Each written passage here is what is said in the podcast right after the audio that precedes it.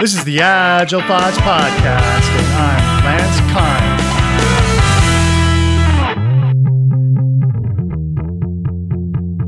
I'm Joel BC. Uh, I'm known as the Gorilla Coach because I got a reputation for talking about difficult topics that people don't want to talk about. I am a certified Scrum trainer, certified team coach. I've been doing this now for 15 odd years. I'm a recovering project manager, and so I moved from being being a project manager and a total agile denier and, and hater to being somebody who teaches and, and breathes it every single day of his life. You said I am a total, uh, and I thought, oh my god, he's going to say something else, and then he said agile denier. So you threw me off there, Joel. no, no, no, no, I'll, I'll, leave the three-letter words to, to, to, to other other um, um, agile podcasters. This is a continuing episode of a series with Joel Bancroft Connors about profit streams.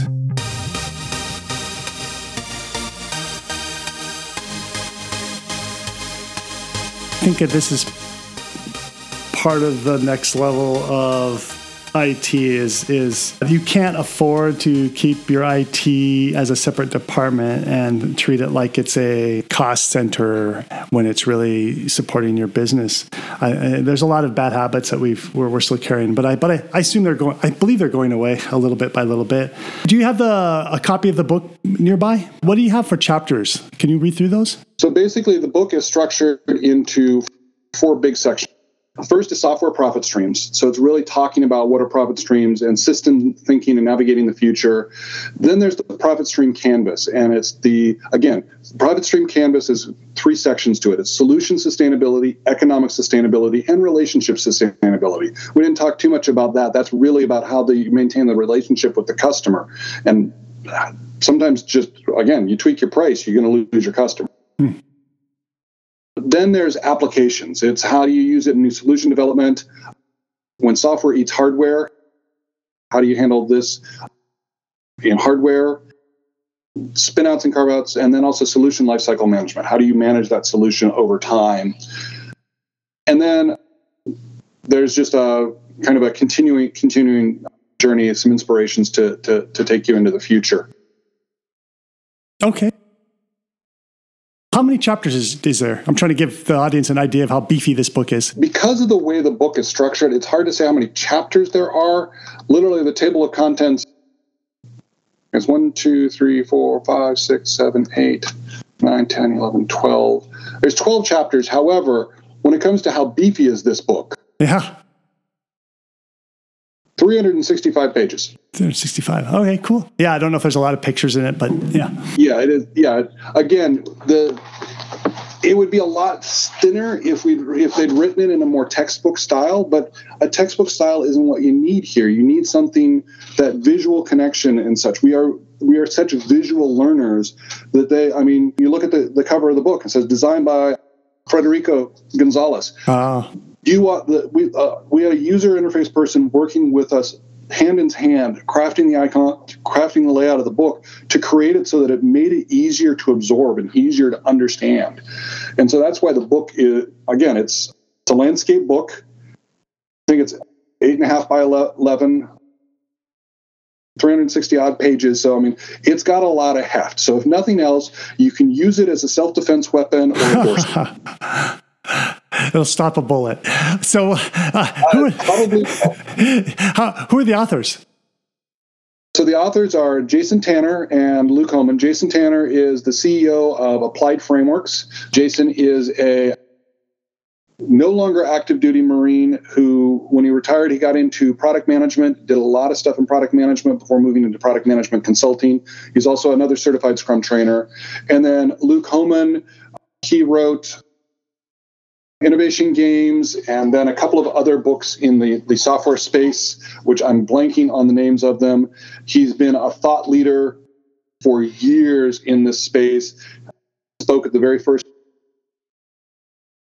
Agile conference in what what was it 2006. So he's been there. He's done that.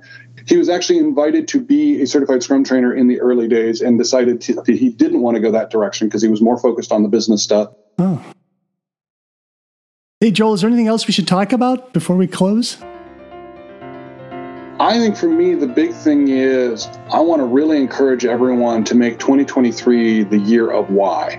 Why is this feature important? Why does the customer care? Or what problem are we solving?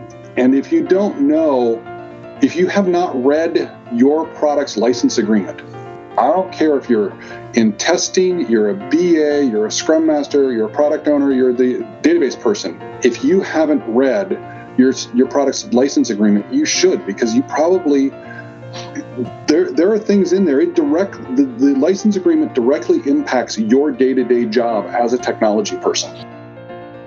I'm Joel BC. I'm known as the Gorilla Coach because I got a reputation for talking about difficult topics that people don't want to talk about. I am a certified Scrum trainer, certified team coach. I've been doing this now for 15 odd years. I'm a recovering project manager, and so I moved from being being a project manager and a total agile denier and, and hater to being somebody who teaches and, and breathes it every single day of his life. Is there a call to action you'd like the audience to make? Go to profitstreams.com, check that out, or go to amazon.com and check out the book. Nice. And how should people contact with you? Reach out to me at JoelBC on LinkedIn. Sweet. Hey, thanks, Joel. Thank you. Check out the show notes. We have goodies in there, such as links to the book Software Profit Streams, and we have links back to applied frameworks. What are our show notes? Show notes show up right in your podcast player app. So they zoom right in there, and you can just tap those links simply. If you downloaded this from a website, go back to the website where you pulled this MP3, and you will see in that webpage the show notes there. This is the closing episode of the Software Profit Streams series. This series started in episode 234. Just like our CD albums, we have podcast albums. So if you want to find the whole series, go type in your favorite search engine, Lancer Agile Thoughts, Profit Streams. And then it will take you to the series album.